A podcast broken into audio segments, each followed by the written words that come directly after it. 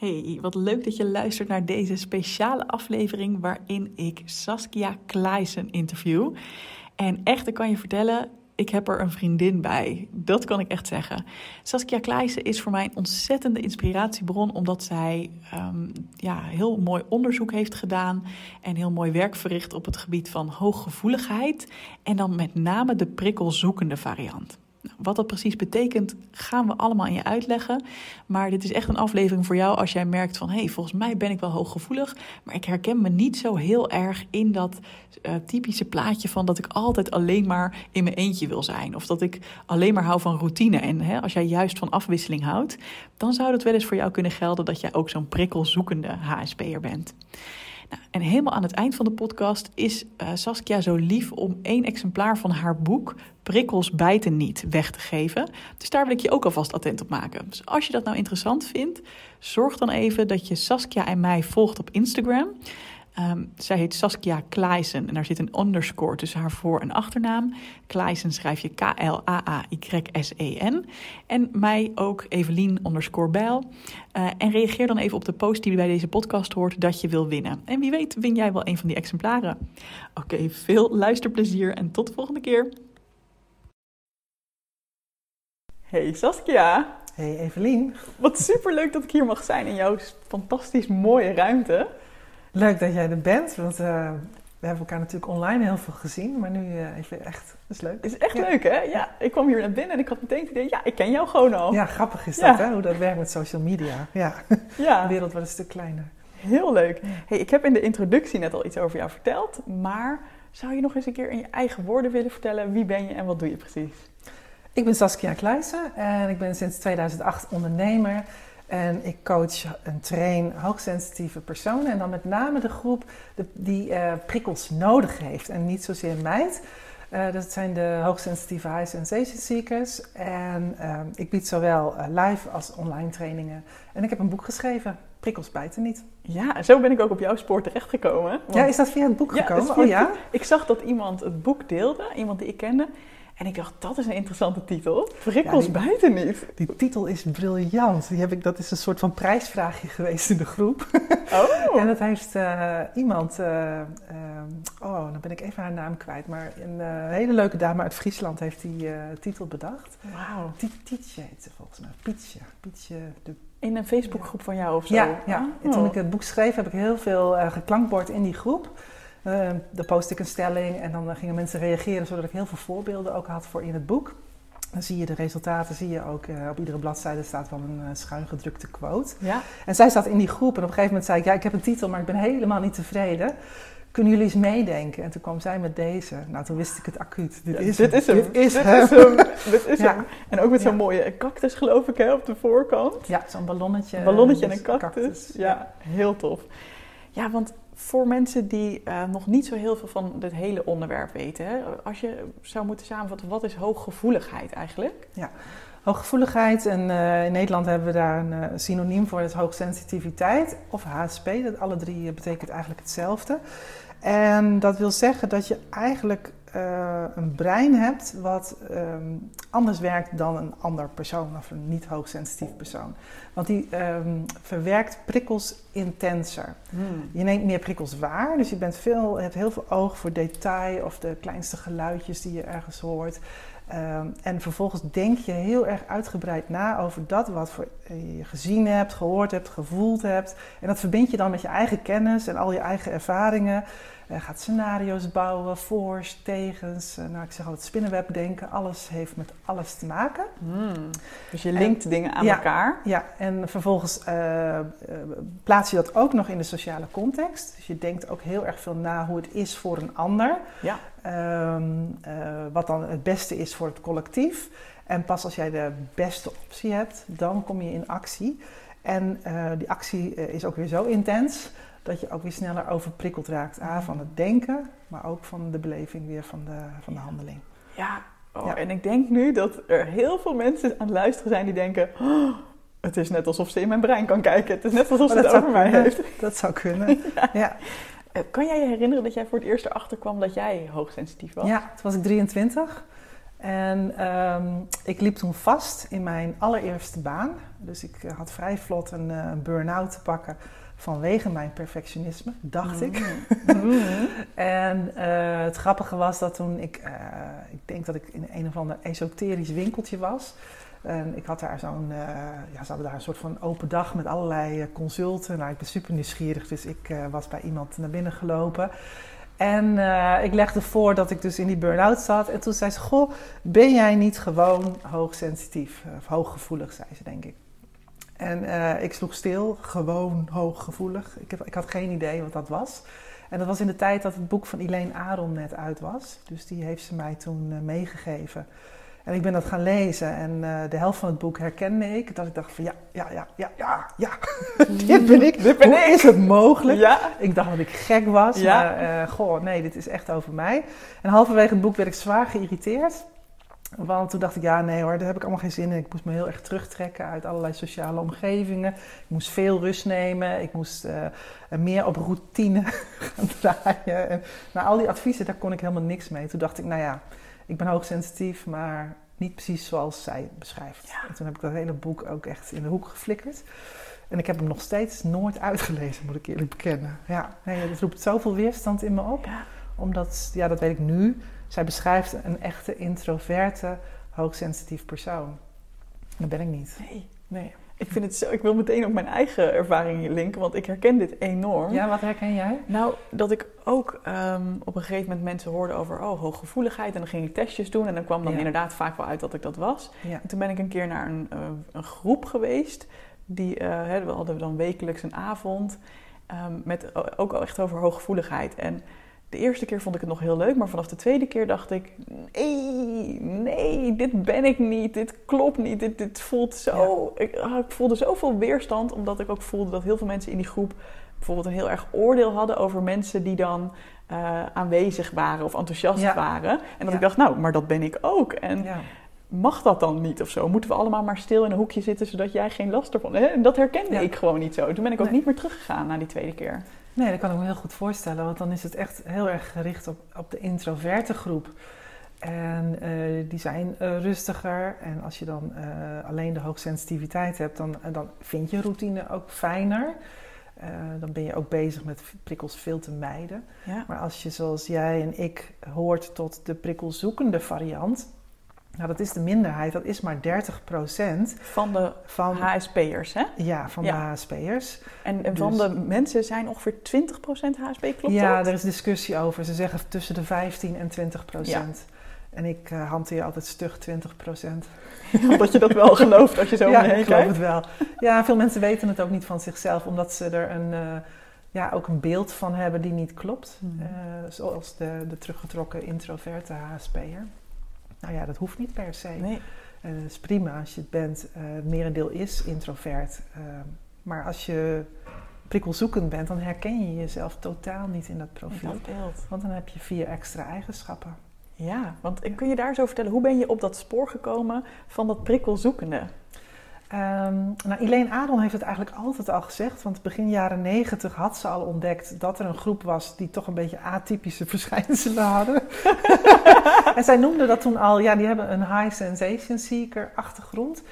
En um, maar daar schreef ze niet zoveel over. Dus ja, en dat klinkt ook raar, hè? Een mm-hmm. sensatiezoeker. Daar had ik dan weer allerlei beelden bij waarvan ik vond dat ik dat niet was. Wat had jij voor beelden dan? Ja, wat je vaak hoort is dan uh, bungee-jumpende uh, mensen en, en, die uit vliegtuigen springen. Nou, dat durf ik niet. Nee? nee, dat, dat deel is niet aan mij besteed. Maar ik uh, merkte dat er uh, in de loop der jaren dat ik coachte er veel, dat ik veel meer mensen aantrok die uh, waren zoals ik. Dus uh, veel mm. afwisseling nodig hadden. Uh, ook graag erop uitgingen, houden van mensen. ook nieuwe mensen wilden leren ontdekken. En, en, en ook, ja, totaal...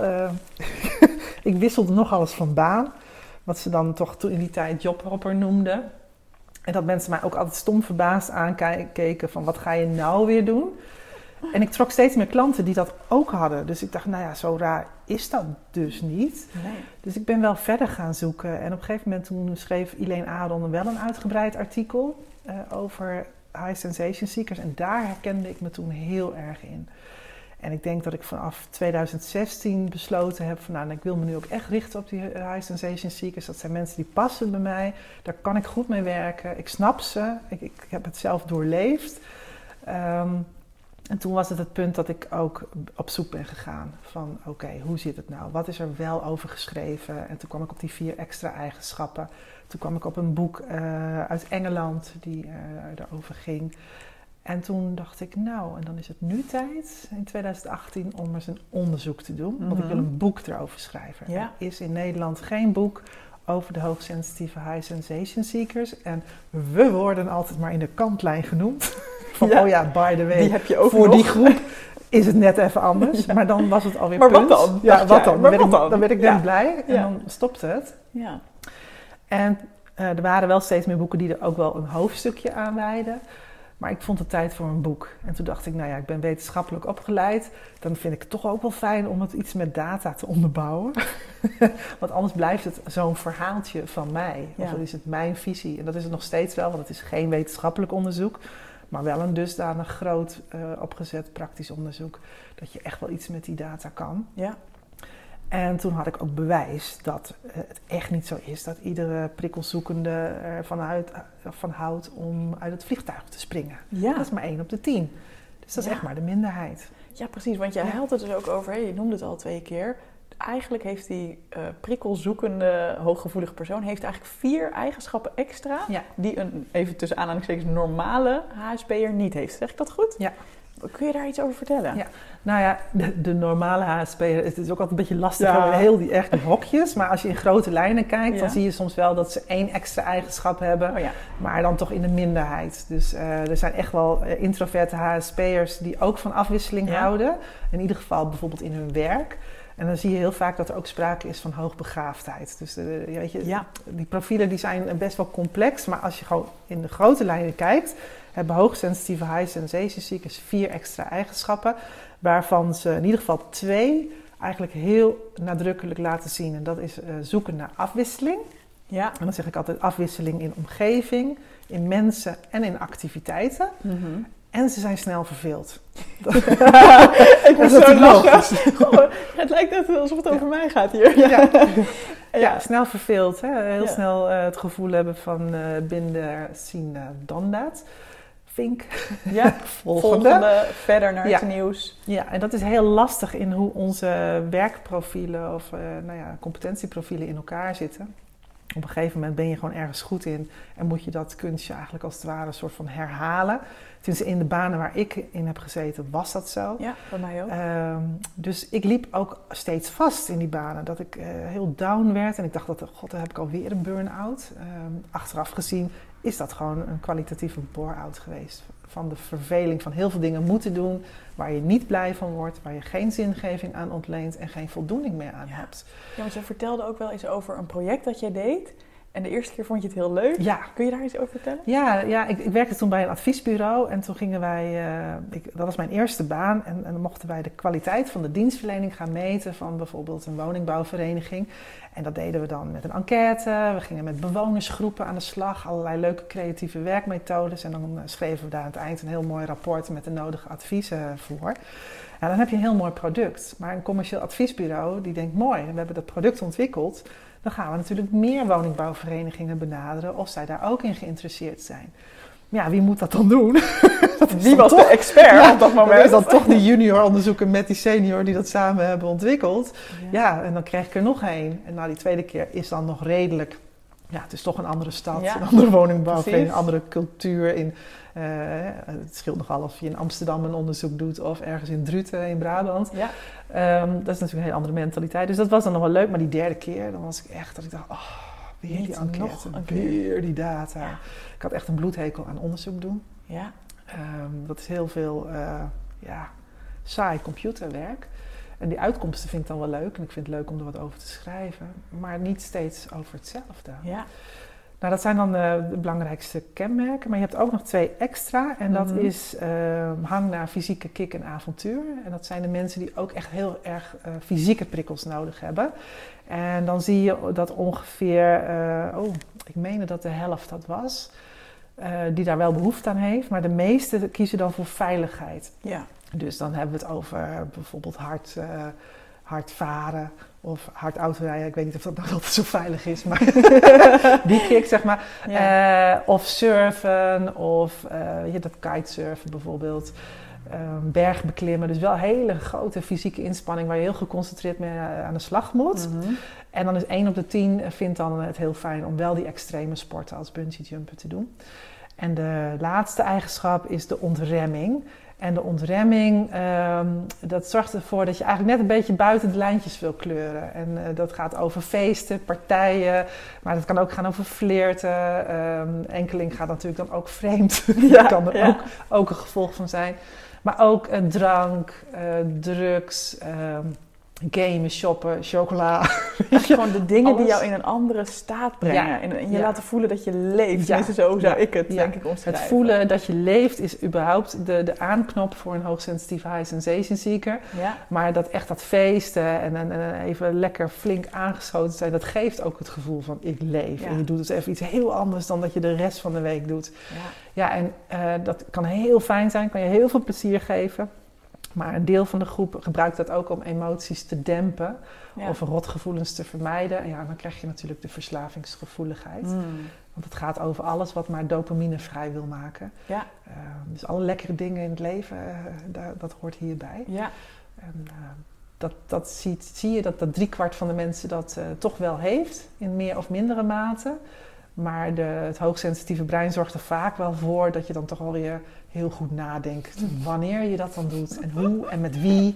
Uh, dat gaat toch wel zorgvuldig. Dus de meeste mensen komen er niet mee in de problemen, maar die hebben gewoon even lekker feest in het weekend. Precies, oh, precies op een dag dat je daarna kan uitslapen. Ja, en zo, dat, dat is ook ingepland. Ja, dat is ingepland. Of niet, dat je denkt, ik doe het nooit weer. Ja, precies. precies. dan doe je het de volgende keer toch weer. ja, zo interessant en echt ik ben zo blij dat jij dit werk doet en dat je dit ook hier in Nederland uh, zo op de kaart zet. Want ja, nogmaals, voor mij is het dus nu, ik denk nog maar iets meer dan een jaar geleden, of nog niet eens, ik denk een jaar geleden, dat ik hier achter ben gekomen. Dat ik dacht, oh, ik dacht dat ik mezelf al heel goed kende, maar nu pas valt er echt een kwartje. Want waar ik ook wel heel benieuwd naar ben, hè, want ik dacht tot dan toe, uh, ik wist dan wel van iets van dat hooggevoelige, dat zit er zeker in mij. Maar ik dacht, oh, misschien herken ik me er niet helemaal in omdat ik extravert ben. Dus dat is hoe ik het tot dan toe gelabeld had. Ja, dat en, kan. Um, dus daar wil ik ook heel graag over horen, hè, hoe, dat, hoe dat precies zit. Um, en wat ik heel erg um, ja, een mooie metafoor vond, is het idee dat je altijd met één voet op het gaspedaal zit en met de andere voet op, het op de rem. Dus dat je eigenlijk wil je graag gaan en dingen ervaren, maar je bent er ook een beetje bang voor, want je weet ook dat je over je eigen grenzen heen kan gaan en dan weer heel moe bent en dan denk je, oh nee, ik wil niemand meer zien.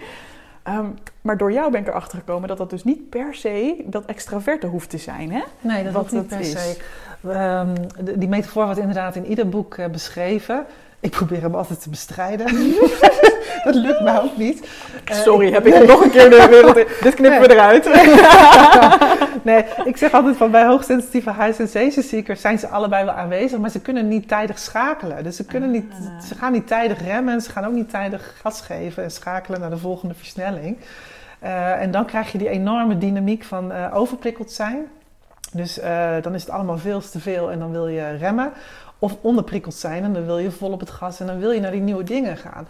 En soms is het ook allebei tegelijkertijd aanwezig. Maar waar het om gaat is dat je die prikkels uh, uh, sneller herkent. Dat je dus ook een soort trigger voor jezelf ontwikkelt. Van oh ja, nu is het tijd om terug te schakelen naar, naar zijn twee. Of desnoods even helemaal in stilstand. Ja, ja nu wil ik even een spurt naar, de, naar zijn vijf. Uh, want nu ga ik de snelweg op en dan moeten we even blazen. Precies. En, maar ja, dat kan ook niet de hele tijd. Dus je moet op een gegeven moment ook de snelweg weer af. En dan moet je weer terugschakelen. Klopt. En, en, wat ik gewoon zo mooi vind aan, aan jouw werk en wat jij daarmee doet, is dat het heeft mij ook heel erg de toestemming gegeven, onbewust, om zo te zijn als ik ben. En ik denk ook dat namelijk heel veel mensen dat herkennen, dat ze denken, oh ja, ik ben ook wel een beetje een moeilijk en onvoorspelbaar persoon. Want het ene moment denk ik, ja, ik wil met iedereen afspreken. En letterlijk een dag later kan ik denken, oh, wat heb ik nou gedaan? Mijn agenda zit vol en ik wil helemaal niet meer mensen zien. Nou heb ik dat zelf inmiddels gelukkig, hè.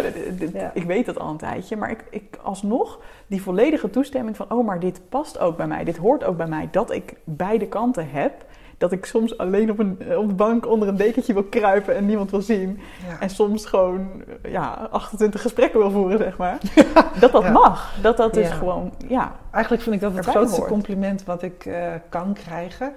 Ehm, want dat is precies waar ik zelf altijd ook mee gestrukkeld heb. Ehm, je krijgt heel veel opmerkingen als...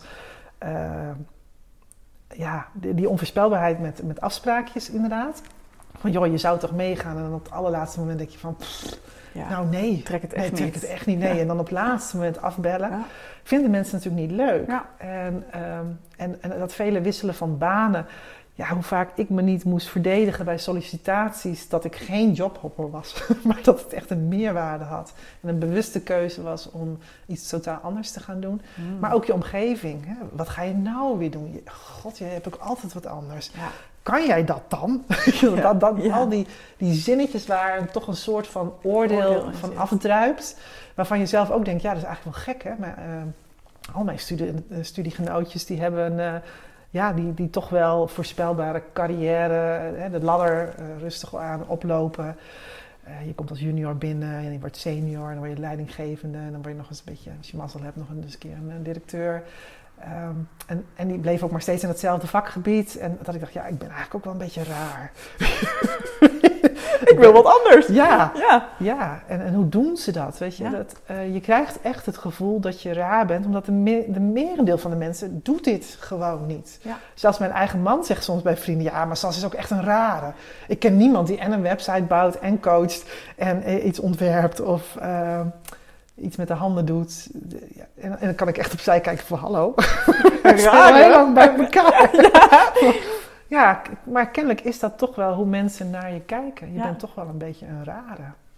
En als ik dan iets kan maken waarin de meeste mensen denken: Oh, er zijn er nog veel meer zoals ik. En ik, het enige wat ik hoef te doen is mezelf toestemming geven om zo te leven. Ja, dat vind ik super compliment. Want dat, dat eh, is waar ik zelf zo lang ook naar op zoek ben geweest. Om dat gewoon te accepteren dat het zo is. En zelfs het proces van het schrijven van het boek en alle reacties, zowel van de enquête als in die Facebookgroep, gaven mij ook nog erkenning. Van, Mm. oh, zie je wel? Ik ben niet gek. Ja. Kijk, oh, die heeft dat ook. Ja. Oh, het is zo herkenbaar. Terwijl je toen al eigenlijk een paar jaar mensen aan het coachen was hierop. Dus eigenlijk wist je het wel, maar toch was dat nog een Het is extra... heel fijn. Ja, Ja, fijn is dat. toch fijn. Ik wil niet in hokjes vallen en ik wil ook niet in hokjes denken, maar toch is het heel Maar fijn dit dat hokje dit is wel erg lekker dat dit voor ons bestaat. bestaat. Ja, dat vind ik ook. Ik voel me daar erg prettig. En dat is wel bijzonder, want ik heb met heel veel hokjes inderdaad dat ik denk, nee, het past net Nee. niet. Maar dit is een hokje Nee. waar ik me vrij comfortabel bij voel. Ik vond het ook heel lang heel vreselijk om op mijn site te zetten dat ik hoogsensitieve personen coachte. Ik heb dat ook lang niet gedaan, wat natuurlijk Mm. idioot is, want eh, zo vind je doelgroepje niet. Maar waar zat hem dat dan in? Eh, in dat hele introverte gevoelige. Mm. En eh, toen ik begon in 2008 was er nog bijna geen onderzoek gedaan. En hing het nog heel erg in het sfeertje van het alternatieve circuit. En ik, ben Ja. ook, ik heb ook een energetische opleiding als achtergrond. Maar ik wilde heel graag dat dat wat verruimd werd. En toen was het toch wel heel snel een beetje in een soort van, eh, ja, eh, Jomanda-achtige hoek eh, geduwd. Ja, als je dat label HSP ja, op je site ja. dan was je eigenlijk een beetje een eigenlijk- Dan was je alternatief en dan was je esoterisch. En ja, dat was ik ook. Maar dat kan was niet helemaal... Maar dat was niet waar ik, waar ik mee bezig Ja. wilde. En, eh, dus ik vond dat heel lastig. Ik wilde niet in, zo, ik wilde niet in zo'n hokje. Ik wilde, dat, ik wilde dat niet. Ik, wilde, ik hou graag van vrijheid en ruimte om ook andere dingen daarin te doen. Ik wil het ook graag eh, down to earth houden. eh, dat het ook over werk gaat en Ja. afwisseling en keuzes maken voor jezelf. Dat, dat weet je, de gewone coachonderwerpen, de persoonlijke ontwikkeling, vond ik belangrijker. Ja, Dus dat vond ik lastig. En misschien had het ook wel iets te maken met mijn eigen acceptatieproces. Ik ben altijd, eh werd ik toch wel in mijn jeugd gezien als dat gevoelige meisje wat snel huilt. Ik kan nog steeds heel snel huilen, Ja, maar nu ik ben ik er oké mee. Maar toen schaamde ik me er echt voor. Ja. Dus om dan openlijk naar buiten te treden dat je het zelf bent. Want dan gaf ik eigenlijk in mijn beleving aan... ja, ik ben hier een hele gevoelige, zielige, huilende coach. ja. en ehm, Terwijl als ik jou, Ja, hoe ik jou nu waarneem, hè, gewoon, en ik- niet alleen nu in dit gesprek, maar gewoon zoals ik jou zie, ook online en in je video's en alles wat je doet, je trainingen. Wat een power jij juist hebt. Niet grappig. normaal. En dat vind ik van mezelf ook. Wij zijn echt, echt leuke, enthousiaste, energieke vrouwen. En we zijn hooggevoelig. En er zit iets, hè? Ja, omdat ik, ik denk dat dat, dat? zit in, dat, in die eh, sterke wilskrachtige kant. Dat was in 2008 ook niet zo bekend. Maar ik weet echt wel wat ik wel en niet wil. Maar ik, Hmm. Is dat ik, iets wat bij hoogsensitieve HSS'ers veel zit? Of, eh, Ehm, daar ben ik niet achter gekomen in mijn onderzoek. Dus de sterke eh, wilskant, die kan Ja. zowel in de HSP voorkomen als in de high sensation seekers. Ik vermoed, maar de, de data hebben daar geen uitsluitsel over gegeven, omdat ik daar gewoon geen goede vragen over heb gesteld. Ehm, maar ik vermoed dat het bij de hoogsensitieve HSS wel vaker voorkomt, omdat we een soort van drive hebben en ook de moed hebben ja. om eh, iets nieuws te gaan beginnen. Wij, wij durven steeds opnieuw eigenlijk te leren. Ja. Om weer bij nul te beginnen en, en weer iets eigen te maken. Net zolang dat we denken, oh ja, nu kunnen we het goed genoeg. Gaan weer iets ja. nieuws verzinnen. Nieuwe opleiding, nieuwe training of nieuwe activiteit. En daar heb je wel een bepaalde wil voor nodig. Je moet daarbij ook in contact staan met jezelf van wat wil ik wel en wat wil ik niet. En dat ook heel goed voelen om, om überhaupt intrinsiek gemotiveerd te Ja. raken. Dus ik denk van wel. Ik heb deze kant van mezelf wel heel lang onderdrukt. Eh, waardoor ik heel temperamentvol werd en echt heel explosief werd. Omdat ik Mm. het dan allemaal binnenhield. En dan opeens kwam het eruit omdat ik dan me opeens onderdrukt voelde of zo. Ja. Maar ja, als ik zelf niet aangeef wat ik wil, dan eh, houdt het eh, natuurlijk wel een beetje op. eh. ja. Oh, dat is ook weer zo herkenbaar. Ik heb ook heel lang gedacht dat ik gewoon een vreselijk mens was. Omdat Ja. ik af en toe inderdaad dan helemaal ontplofte. Terwijl Ja. dat was eigenlijk, als ik daar nu aan terugdenk... had ik dan mezelf eigenlijk niet gegeven wat ik nodig heb. Ja. Zowel aan de kant van... Hè, soms misschien juist veel te veel prikkels hebben... en daardoor het niet meer lekker kunnen verwerken. En dan denken, nee, ik, laat me met rust. Hè, en dan Ja, een beetje echt overprikkeling. kort afdoen. Maar Ja. ook uit onderprikkeling Absoluut. kon ik ook wel echt... Ja, daar word ik ook niet blij van. Daar word ik ook geen gezellige Nee. partner bijvoorbeeld van. Dat was bij Nee, mij vaak in mijn relatie. Ja, nou, ja, ik, nou, die ontploffingen heb ik nog steeds wel. Oh, ik ook. Helaas. En ik, Maar ja. ik heb ook niet de illusie eh, eh, dat dat nooit gebeurt. Want ook bij ons is het zo dat je sluipende wijze wel eens overprikkeld of onderprikkeld raakt. Of in situaties belandt die je ook niet hebt bedacht. Hè, ik denk alleen maar aan al die ouders die nu thuisonderwijs geven en moeten werken. En met stoom uit hun oren rondlopen. eh, ja, dan, dan, dan kan je ontploffen. Alleen ik heb wel geaccepteerd dat het bij me hoort. En dat je daarna ook wel even het weer goed moet maken. Ja. En ook moet zeggen van ja, sorry, dit was echt buitenproportioneel. Ja. En uh, ook uitleggen. Ik, ik, heb het ook altijd uitgelegd aan mijn kinderen als het gebeurde. En als ze, uh, hen het zelf gebeurt, snappen ze nu ook wat er gebeurt. Ja, mooi. Dus je neemt ze eigenlijk mee in wat gebeurt er waardoor ik Ja. Zo reageerde. En, Ja. en je legt ook uit van sorry, dat was Ja. eigenlijk niet de bedoeling. Nee, nee dat, dat, Ah. dat heb ik wel altijd gedaan. uh, Ja. En uh, ik weet nog wel bij de boeklancering dat ze mijn kinderen daar ook naar vroegen. Ja, die moeten dan heel hard lachen. Waar vroegen ze naar? Of jij bent eens ontploft? ja. Nice. En hoe dat dan gaat. Nou, dat konden ze in geuren en Oh, kleuren vertellen. leuk. Ja, nou, dan doet mama dit. Ja. Hey, even naar het onderwerp van deze podcast natuurlijk. Ehm, de perfectionisme podcast. Ja. Want ik heb dus echt eh, het gevoel, en dat is niet alleen een gevoel, want dat, ik heb het ook in jouw boek gelezen. Ehm, laat ik het zo zeggen, van, van de mensen die naar deze podcast luisteren, is een heel groot deel hooggevoelig. Hè? En het zijn Ja. mensen die last hebben van perfectionisme. Daar Ja. zit volgens mij echt een link, hè? ja, er zit een link. Hoe zit dat? Ehm, ik maak altijd onderscheid. Welk deel komt van de hoogsensitiviteit en welk deel komt voort uit afwijzingsgevoeligheid. Als je merkt dat je automatisch perfectionistisch gedrag eh, vertoont en dat als een soort reflex bij iedere vraag die je om handen hebt doet, dan is er sprake van rejection sensitivity. Ehm, want eh, wat gebeurt er? Heel veel mensen die hoogsensitief zijn, hebben al heel jong geleerd dat er, eh, om, om het goed te willen doen. En als je daar maar vaak genoeg voor beloond wordt, ga je dus ook geloven dat dat de enige route is. En de meeste mensen die dus geen keuze hebben van kan ik het nu, mag, hè, moet dit nu echt perfect zijn? Ja. Of mag het even een, een tandje minder? Als je Mhm. daar vrijheid van keuze hebt, is dat gezond gedrag. Als Ja. je nooit een keuze hebt en maar door, door, door moet, dan is er 9 van de 10 keer sprake van trauma. In de zin van dat er kennelijk vroeger in jouw omgeving niet de mensen waren die jou hebben kunnen geven wat je nodig hebt. Eh, bijvoorbeeld eh, steun of fouten mogen maken of uh, waardering of voor wie jij bent. Weet je, ieder kind heeft misschien wel in zijn leven iets een keer meegemaakt waarin hij die steun niet heeft ervaren. En dan word je angstig. Angstig mm. dat je iets doet wat niet goed is. Dat je niet aan de verwachtingen voldoet. En dat is een rotgevoel. Dus we gaan daar van alles op verzinnen om dat maar niet te hoeven voelen. En een van de dingen om het op te lossen is perfectionisme. Maar ook Of de controle willen hebben. Of de touwtjes in handen hebben. Of je sterker en groter maken dan je bent. Dat zijn allemaal aanpassingen, copingstrategieën om die angst niet te voelen. Of niet de frustratie te hoeven voelen dat het uh, uh, nog niet goed genoeg is. Want je kan je misschien voorstellen, en ik denk dat de luisteraars dat ook wel weten. Dan heb je echt alles gedaan. Echt, weet je, je stuk ziet er echt picobello uit. Je hebt het uh, helemaal mooi vormgegeven. En dan weet misschien je leidinggevende of je collega nog even toch zo'n lullige opmerking te maken van... Goh, waarom staat dit plaatje er niet in? Of goh, waarom heb je dat nou hier neergezet? Weet je? Nou, dat je dan ook de neiging hebt om een beetje boos te worden. Van nou, ik heb echt alles gedaan. Uren eraan Uren gezeten. En nog is het niet goed. Nou, dat is dus zo'n emotionele pijler. Die hoort bij de afwijzingsgevoeligheid. En dan sommige mensen ontploffen. Ik, ik kan ontploffen. en dan achteraf schaam je je weer. Schaam je je voor die emotie. Of je schaamt je dat je dan dus kennelijk toch weer niet goed hebt gedaan. En dan ga je nog een tandje harder nog meer je best de volgende keer. En dan kom je in zo'n loop.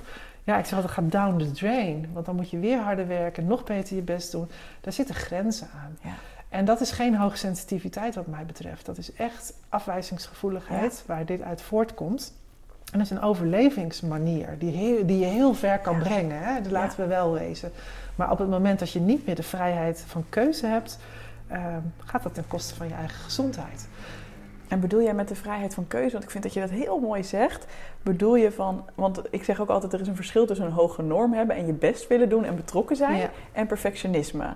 En bedoel jij ook dat verschil van dat je inderdaad, als je gewoon een hoge norm hebt, om het maar zo te zeggen, dat je dan inderdaad kan denken: oh, ik ga hier lekker goed mijn best voor doen en hè, dat het echt een keuze is? Is het een keuze? Het gaat maar om de keuzevrijheid. En als jij de keuze maakt van: ik wil dit stuk even echt perfect maken, want ik word er waanzinnig blij van.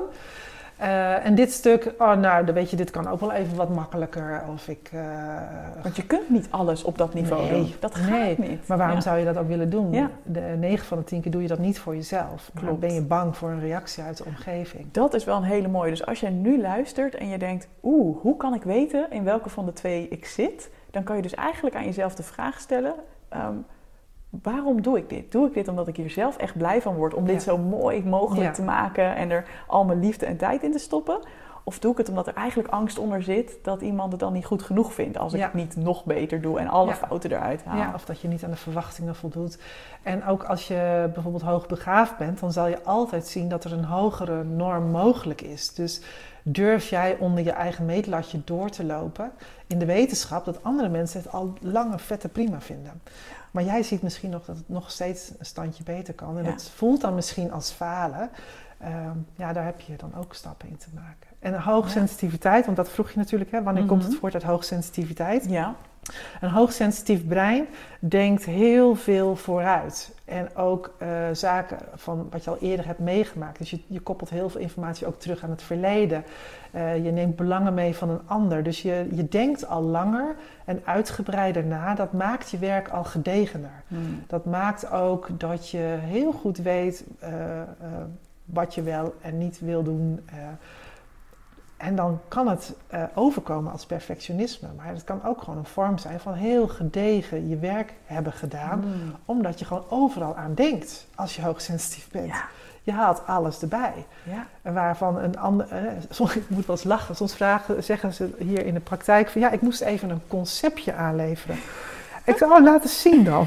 laat eens zien dat ik denk, dit is geen conceptje. Dit is een compleet uitgewerkt product. dit, is, dit is al compleet uitgewerkt. En dan willen ze het vaak ook niet eerder laten zien als al die verschillende onderdeeltjes ook al uitgewerkt zijn.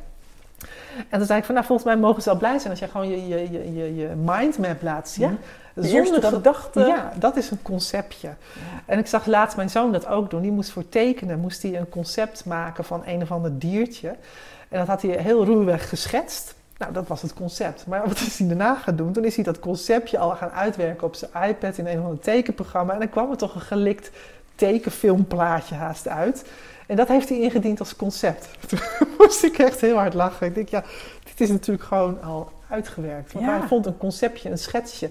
Ja, daar zaten de kleuren niet in. En de omgeving was nog niet duidelijk. Ja, dan, dan weet je... Dan was het nog niks dat, was, eigenlijk. dat was eigenlijk nog niks. Nee. Nee. maar en dat- is dat dan voor jouw gevoel, is dat dan perfectionisme? Of zit daar, is dat ook iets wat gewoon hoogsensitieve mensen sowieso hebben? Nou, in dit geval vond ik het geen perfectionisme, omdat Nee. hij niet bezig was met eh, de docent. Hij was echt alleen maar bezig met dat hij een heel mooi, mooi conceptje wilde inleveren. Ja, dat hij zelf voor zichzelf. Voor zichzelf. Ja, mooi. En, ehm, en ik denk dat als hij druk had gemaakt over wat de docent had gevonden... Ja, en dat, dat het nog niet goed genoeg was, dat het iets anders was. Maar in dit geval was het gewoon... Hij was nog druk aan het associëren. Ja. Hè? Dat is wel echt hoogsensitief. Je, je brein haalt er nog associaties bij. Je hebt dan een beestje, maar ja, dat beestje woont natuurlijk ergens. En, hoe, wat voor kleuren heeft hij dan in die omgeving? En eh, oh, het is eigenlijk wel een heel grappig beestje. Oh, dit beestje heeft ook humor. Weet je, dan komt dat er opeens bij. Dus er, komt, er komen allemaal elementen bij die jouw hoogsensitieve brein gewoon vanzelf verzinnen. Doordat vaak associatief en divergerend denkt. Ja, dan ontstaat er iets wat misschien iemand anders perfectionistisch zou vinden.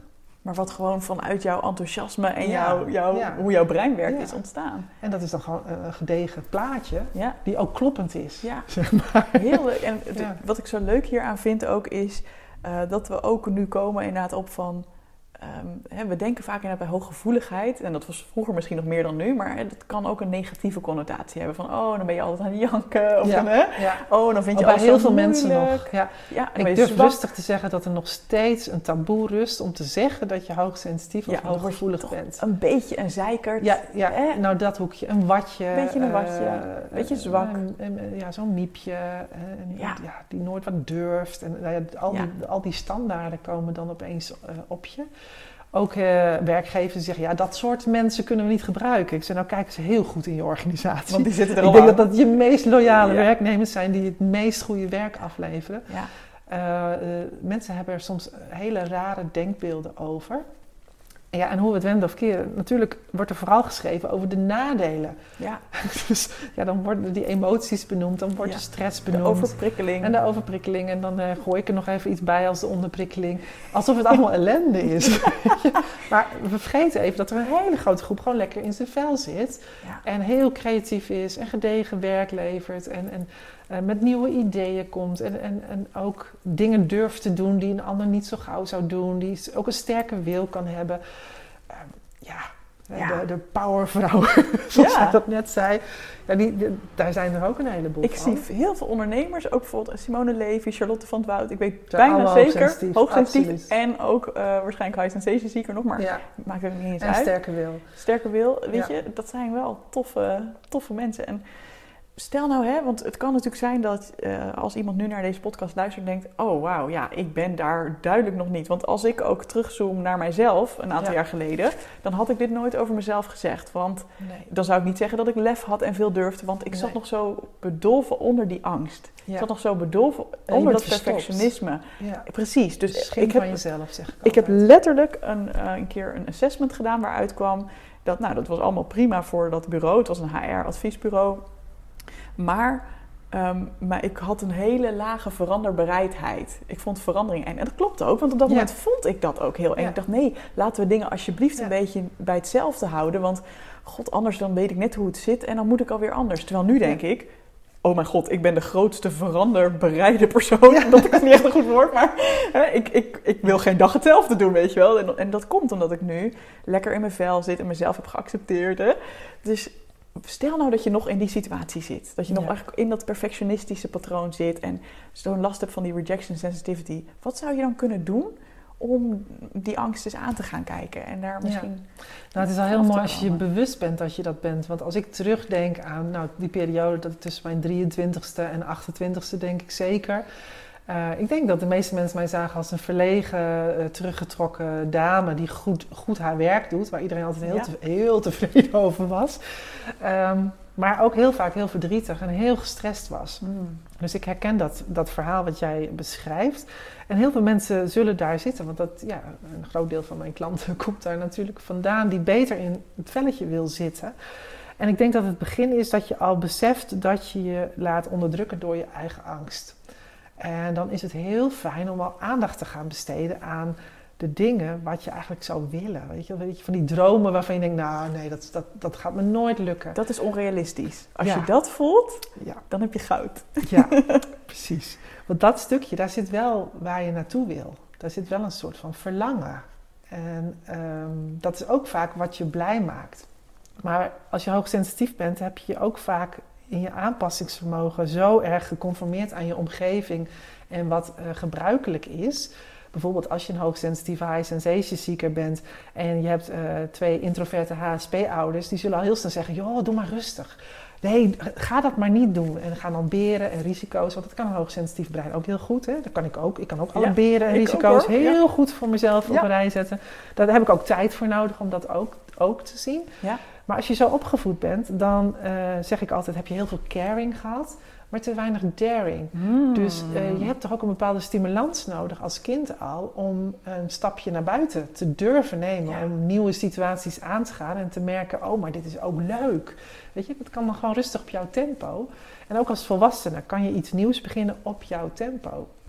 Ehm, het is heel belangrijk dat je in contact komt met waar komt die enorme angst vandaan. Als er inderdaad trauma onder zit of een ontwikkelingstrauma, omdat je dat je hele leven hebt gehoord dat het allemaal eh, niet oké is. Ehm, ga daar alsjeblieft mee aan de slag. Ga, ga dat eerst aan, zodat er ruimte ontstaat voor meer vrijheid om te ontdekken van waar sta jij voor? Waar word je nou happy van? Ja. Waar vind jij zingeving? Waar zie jij prikkels waar je eh, als een dartelend lammetje in de wei eh, op af Ja. kan gaan? Maar als je echt diep zit in een burn-out, in een depressie, dan is dat helemaal niet zo makkelijk. Ehm, dan zeg ik, als je echt diep zit, eh, zoek gewoon steun bij, Ja. een, eh, bij een goede HSP-coach of HSS-coach of perfectionisme-coach. Ja, ja, precies. Ja, maar of eh, gun jezelf dat gun ook, jezelf dat. Ja. En gun jezelf ook een plekje in de wereld die misschien anders is dan het gros van de mensen. Ehm, weet je, niet iedereen is geschikt om van 9 tot 5 naar kantoor te gaan. Dit vind ik heel Ja. leuk dat je dit zegt. Want ik heb het hier toevallig laatst nog met mijn vriend over gehad. En Oh echt, ja?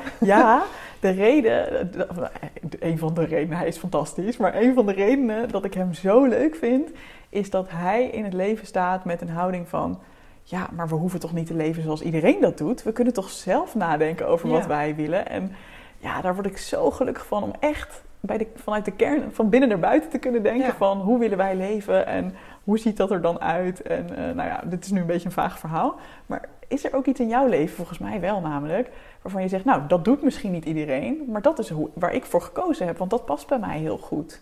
Ja, ik denk dat mijn bedrijf daar de grootste uiting van is. Eh, want voor de rest, ik, ik heb een heel traditioneel leven. Ik ben getrouwd en ik heb twee kinderen. En we wonen in een eh, hoekwoning met een tuin en een auto voor de deur. Weet je, dat is allemaal heel traditioneel. Eh, dus wat dat betreft is het niet zo heel spannend. Maar in mijn werk, eh, ik heb wel mijn eigen leven in mijn werk vormgegeven zoals ik dat wil. Dus ik werk niet van 9 tot 5. Eh, ik heb niet de hele dag cliënten. En ik kan op maandagochtend cliënten hebben en op maandagmiddag iets anders. En een week later op maandag denk ik, ik ga trainen. En ik, heb, ik bouw mijn eigen site. Iedere business coach zegt, dat moet je uitbesteden, want dat is zonde van je tijd. Maar als ik dat nou heel leuk vind, en nou, ik vind ze er niet beroerd uitzien. Ze kunnen vast glikter, maar ik, eh, dat doen de meeste mensen niet. Maar ik denk, ja, nou, gisteren, toevallig gisteren aan de telefoon ook nog weer zoiets. Dat iemand zei van, ja, je Instagram-account, dat moet dan op een bepaalde manier eruit zien. Oh ja, En dat moet allemaal in dezelfde stijl. En ik denk alleen maar, saai. Waarom mag dat niet een ratje toe zijn? ja leuk. Eh, ja, vast. En dan word ik een beetje eigenwijs. Een recalcitrant gedrag eh, heb ik dan de neiging Ja. om eh, te gaan vertonen. Omdat het gewoon niet bij mij past. En denk ik, ja, nou ja, weet je, misschien loop ik daardoor een heleboel mensen mis. Maar ben er ook van overtuigd dat het dan een heleboel mensen wel aantrekt die, eh, die daar wel eh, oké mee zijn. Die dat juist ook aantrekkelijk Ja. vinden. Ja. Dus, dus gewoon mijn werkweek is denk ik een uiting van wat ik wel en niet eh, vind. Dat ik gewoon steeds nieuwe trainingen verzin over onderwerpen waar ik dan misschien nog niet alles van weet. Maar dan duik ik erin en dan ga ik dat ontwikkelen. Ik ben ook niet bang om overnieuw ergens in te ja, te stappen, iets nieuws te leren. ik ben ooit begonnen met edelsmeden. En iedereen zei, hoe kan je dat dan? Nee, daarom ga ik op cursus. precies, precies. Of, ja. Nou ja, ik heb in mijn boek ook de moestuin genoemd. Ja, dan heb ik op de een op de andere dag heb ik opeens een moestuin. Geen idee. Hele lap grond. maar dan, ga je gewoon lekker YouTube. Ja, dan ga ik YouTube uh, door, het leven. Dan lees ik wat boekjes en ik kijk eens wat rond bij die oude mannetjes op het terrein. hoe die dat allemaal hoe, doen. Hoe doe je dit eigenlijk? Ja, ja en ik, ik, ik, laat me wat adviseren en ik, ik klooi wat aan. Ja. En dat aanklooien, dat, dat gun ik mezelf ook. Van, nou, als ik ergens iets niet van weet, wil dat niet zeggen dat ik iets niet zou kunnen. Zo. Dit is de uh, ultieme groeimindset, hè? Is dat zo? Dat is de ultieme groeimindset. Dat je eigenlijk, hè, in plaats van dat je naar de wereld kijkt van kan jij dit of kan jij dit niet. En dat je dus denkt, nou ik zit nou eenmaal in dit hokje, dus hey, ik doe dit werk, dat kan ik, dus daar, daar hou ik me bij. Dat je eigenlijk dus juist een groeimindset hebt en denkt, hé, hey, dit is leuk, dit is nieuw Ehm, wat zou ik daarvan kunnen leren? Wat kan een eerste stapje zijn? En dan ga je een keer op je bek en dan maak je een keer een fout. Ja, durf amateur te zijn. ja, precies. Net zoals we hadden toen je binnenkwam over dat kastje schilderen, dat ik dat zelf gedaan had. Nou, dat is ook zoiets. Je pakt gewoon een blik verf en je kijkt een filmpje, je pakt een rolletje en je gaat testen of je dat ook lukt. Ja, ik word er blij van om met mijn handen iets te doen. Dus ik... Ehm, ik ben niet gauw iemand die denkt, dat kan niet. Ik ben altijd van, nou, dat gaan we proberen of dat gaan we uitzoeken. En heb, je, heb jij dat altijd al gehad? Of had jij ook op die leeftijd van hè, 23 tot 28, had je dat toen minder dan nu? Uh, toen ik mijn eerste banen had, was ik heel bang om dingen fout te, te doen. Ik, ik, ik, had heel veel ontzag voor mensen die al werkten, want ik kwam nog maar net van Die weten het allemaal al. Ik was erg snel uh, uh, geïntimideerd door directeuren of ik moest ook veel met, met wethouders aan tafel zitten. Dat vond ik allemaal, daar had ik wat last van. nu, nu denk ik van ja, dat, dat, is denk ik wat voortgekomen uit, uit ja, uit het milieu waar ik in opgegroeid ben. ik kom niet uit een academische achtergrond. En ik denk dat ik daar een poosje moeite mee heb gehad om te zien dat er toch op sommige vlakken andere culturen zijn. Um, maar toen ik daaraan gewend was, dacht ik, ja, dat snap ik nu achteraf niet meer zo waar ik dan echt last van had. Ik had dat ook Want hoor. ik werd, uh, toen ik uh, later in mijn werk ben ik, werd ik ook wel wat recalcitrant en zei ik wel alles wat me op mijn hart lag. En dat, ja, dat heeft me ook heel ver gebracht in die projecten waar ik werkte, juist omdat ik daar geen moeite mee had. Mm. Maar in het begin had ik daar vreselijk veel last van. En durfde ik echt niet zomaar iets voor te stellen aan iemand die hoger in de ladder stond. Zeg maar. Ja. want wie was ik om te denken dat ik dat zou weten? Totdat ik in een situatie ben verzeild en uh, een projectleider toen een keer een plan heb voorgelegd van goh, zouden we dit niet kunnen doen bij die uh, opdrachtgever. En uh, die is toen helemaal aan de haal gegaan met mijn plan. Die heeft het ook gepresenteerd als zijnde zijn plan. En dat is voor mij uh, een, een, angel, of nee, hoe zeg je dat? Een, een, een trigger geweest om uh, in de burn-out te schieten. Omdat ik toen me zo miskend voelde en zo niet erkend. En, maar toen heb ik ook geleerd van zie je nou wel, je, uh, het maakt niet uit hoe oud je bent, wat je achtergrond is. Als jij een brainwave hebt, dan kan dat wel een heel briljant plan zijn. Ja. En um, zeg het nou maar. Dus ik, ik, heb heel erg moeite gehad met zichtbaar zijn, woorden geven aan alles wat er van binnen uh, speelde. Ja. Om mezelf zomaar, uh, nou, die hele zelfexpressie, die was bij mij behoorlijk onderdrukt. Ja. Nou, en dat uh, ja, heeft ertoe geleid dat ik natuurlijk niet zomaar alle nieuwe dingen deed. Want dat was veel te eng, want dan gingen ze mij zien of dan gingen ze mij horen. En dan voel je je zo onveilig. Hè? Heel onveilig, ja. ja, ja. En dat is, dat is echt bij mij trauma geweest. Ik ben heel lang gepest. En uh, dus ik had, ik, ik had heel goed geleerd onzichtbaar te ja. zijn. Vooral niet opvallen. Vooral niet opvallen. En het grappige is dat ik ook klanten kreeg op een gegeven moment in de begintijd die daar ook last van hadden. En dan dacht ik, ja, jij bent zo'n grijze muizen, je hebt een grijze muizenpak aan, maar er zit een papegaai onder. Ja. En af en toe ploept er zo'n veer uit zo'n pak. En die probeer je dan heel snel terug te moffelen. En toen dacht ik, ja, dat zeg ik natuurlijk omdat ik dat zelf ook heb ja. meegemaakt. Ja. Ik herkende het acuut. En, Hoe, en, en, stel nou dat iemand ja. zich dat, want ik vind dat zo'n mooie metafoor. Stel dat iemand voelt van, ja, er zit veel meer in me. Ik ben misschien ook ja. wel zo'n papegaai, maar ik doe me voor als die grijze ja. muis om maar niet op te vallen en om maar niet hè, iets verkeerd te doen. Hoe, hoe zou je daar een soort van eerste stapje in kunnen zetten om dat te veranderen? Uh, nou, in eerste instantie erkenning van de papegaai, dat hij er ook is. Dat hij er is, überhaupt. en dat de muis nu de baas, de baas is. Ja. En uh, vervolgens ga je kijken van, oké, wat heeft die muis dan nodig om de papegaai wat meer toe te laten? En vaak is dat toch, toch ja, ik blijf erbij, uh, ga met, met, je eigen trauma's aan de slag, met je eigen zorgen en angsten. En ehm, het, feit dat je je zo aanpast aan je omgeving. Op het moment dat je daar minder last van krijgt, en ik ben echt fan van technieken als EMDR of IEMT, Integral Eye Movement Therapy, die toch op een hele slagvaardige manier kunnen zorgen dat er meer ruimte komt voor jouw uh, ja, je innerlijke papegaai. Ja, ja. ik vind hem leuk hoor. ik vind hem echt vreselijk ja, we zijn meer dan, dan één deel. Hè. Ik zeg altijd van, we, we, hebben een compleet innerlijk team in ons. En de ene keer is het... Uh, is het de muis en dan is het de papegaai, dan is het gewoon even uh, de keno in jou die je even moet laten horen. Het, uh, je bent niet alleen maar dat stukje. ene plaatje ja. wat je laat zien. Ja, geloof, ja. geloof, ook dat je, als je voelt dat je er meer in je hebt, probeer dan ook eens daar naam aan te geven. Ja, ik noem het nu een muis en een papegaai, maar ik heb hier een kast vol met poppetjes die dat allemaal kunnen uitdrukken. Van gewoon welke kanten van jouzelf heb je en, en, welke onderdruk je en wat is daar het nut van? Hè? Ja. Het, het heeft je, kijk, mij heeft het heel lang zelfbescherming gegeven. Ja. Het voelde veilig om je aan te passen waarschijnlijk. Ja, want ik, ik, ik, had gewoon in mijn uh, puberteit heb ik geleerd dat als ik mijn mening gaf, dat mijn kop eraf gehaakt werd. Nou ja, als je dat een paar keer hebt meegemaakt, je kijkt wel dan uit. kijk je wel uit, dan doe je nou, en op een gegeven moment merk je, oh dat werkt, ik word met rust gelaten, ik krijg zelfs weer vriendinnen. Uh, ik, ik, ik, ik, ging ook wel erg veel pleasen, denk ik, achteraf gezien. Maar dat, het hielp mij wel om weer een sociale kring te krijgen waar ik me veilig voelde. Ja. En het heeft me ook geleerd dat ik gewoon heel ja, weet je, ik, kan heel goed afstemmen op mensen. Ja. Ik bedoel, heb ik nu in mijn werk ontzettend profijt van. Ja. Dus, uh, Precies, dus ook die muis heeft nut en heeft Absoluut. waarde. Dus je muizenkostuum hoeft niet uh, weg. Nou, mijn muis helpt me ook nog als ik zwaar overprikkeld ben. Nou, Ja. Dan grijp ik toch even weer Even lekker mijn muis. Ja. ik word even onzichtbaar, Ja. ik ben er niet. Ja. Ja, het is geen, eh, het is geen slechterik of Nee, zo, weet je. Maar het, het is jammer als dat het enige is van jou wat naar buiten komt, terwijl er zoveel meer in zit. Ja, ja, want die papegaai die wil vliegen. ja. Weet je, dat is een hele andere kant van je. Oh, ik voel het zo ontzettend. ik vind het zo leuk als je dit nu luistert en je denkt: ja, ik voel dit ook. Weet je, laat dat even weten. Ehm, is er nog iets wat jij mee wil geven? We gaan zo naar een hele leuke winactie toe. En dan Ja. wil ik ook even jouw challenge, eh, of tenminste jouw, jouw, jouw vierdaagse, ehm, onder de aandacht brengen. Maar is er nog iets waarvan je denkt: nou, Evelien, dat heb je nog niet gevraagd. Maar dat vind ik eigenlijk nog wel leuk om toe te voegen. Oh, we hebben heel veel. We hebben het over de positieve kanten, we hebben het over de negatieve kanten gehad, de verschillende typeringen. Jeetje, nou volgens mij eh, afwijzingsgevoeligheid hebben we het over gehad. Ik zou het zo niet weten. Ik zou alleen maar zeggen, geloof vooral in jezelf. Ja. Ook als je nu in de dip zit, er kan echt veel meer. Ja. Ik heb zelf eh burn-out, bore-outs, eh, depressie meegemaakt. Er kan echt heel erg veel. Oh, ik vind het heel mooi. Dat, ik wil er echt bij aansluiten van...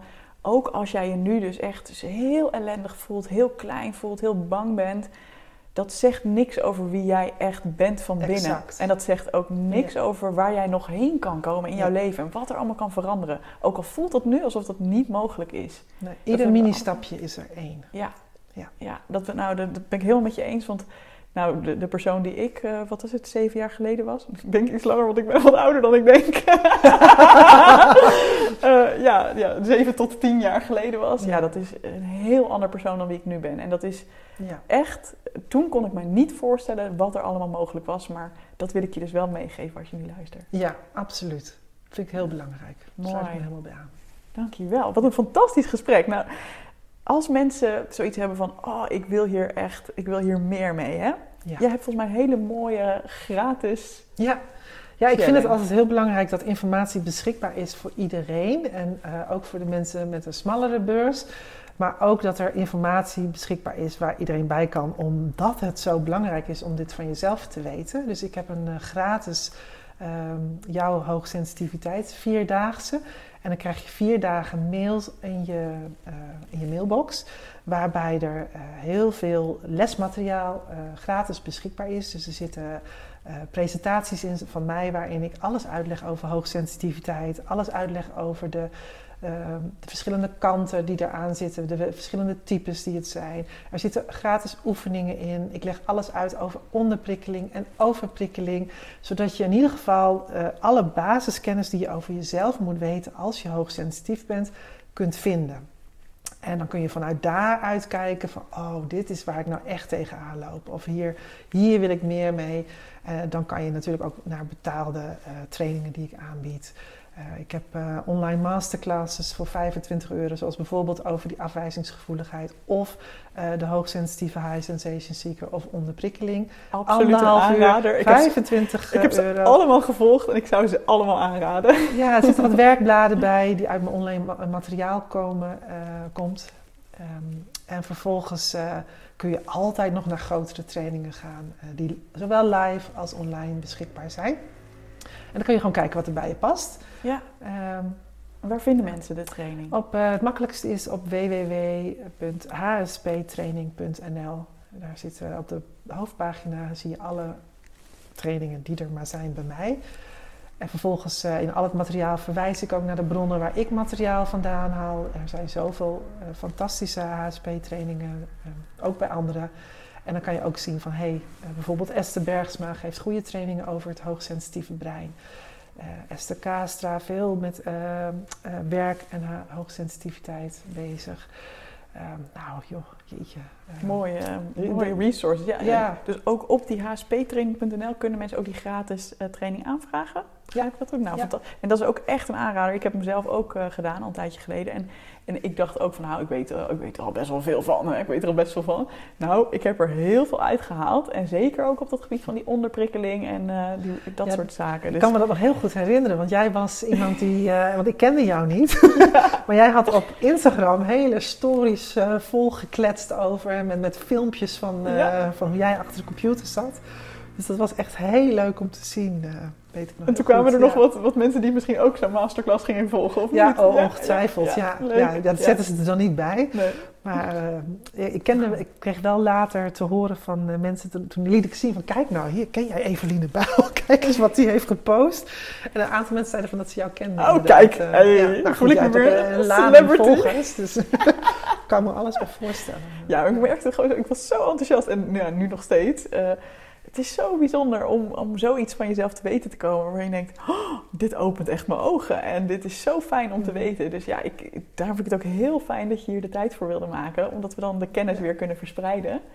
Uh, en we hebben dus nog een hele leuke verrassing. Want jij hebt een prachtig boek ja. geschreven, Prikkels bijten niet. Ja, inmiddels al de derde druk. Wauw. En ik uh, ga er eentje met jou verloten in deze podcast. Yay. Ja, dus wil je kans maken. Maar wat moeten ze ervoor doen even? Ja, we hebben het bedacht. Wat je dan even moet doen, is dat je Saskia en mij op Instagram volgt. Saskia, hoe kunnen mensen jou vinden? Op Saskia uh, underscore Kleijsen. Saskia ja. underscore Kleijsen. En Kleijsen schrijf je K-L-A-A-Y-S-E-N. Klopt. Ja. En dan volg je mij ook even, Evelien, I-E-N aan het eind, underscore Bijl. En dan, um, ik zorg dat er een post klaar staat op mijn Instagram zodra deze podcast live is, die helemaal hierover gaat. En dan moet je daaronder even laten weten dat je graag mee wil doen aan de winactie. Um, en dan uh, gaan we een boek verloten. Ja. Hoe leuk is dat? Dat is volgens mij superleuk. ja. Dus ik word altijd heel blij van die verlotingen. Ik heb uh, met de kerst ook een uh, aantal verloot. Het is gewoon fijn om mensen blij te maken. Heerlijk, ja. toch? Ja. Nou, en mocht je nou niet gewonnen hebben, dan kun je het boek natuurlijk ook gewoon lekker bestellen op Saskia's site. Dus dat is ook helemaal leuk. Onwijs bedankt. Ik vond het echt een te gek gesprek. Ik ga hier weer helemaal stuiterend ook leuk. Ja, ik, ook, ik, had ook wel een stuitend moment uh, nodig in deze lockdown. Dus ik vind het heel fijn. Ja. Super, dankjewel.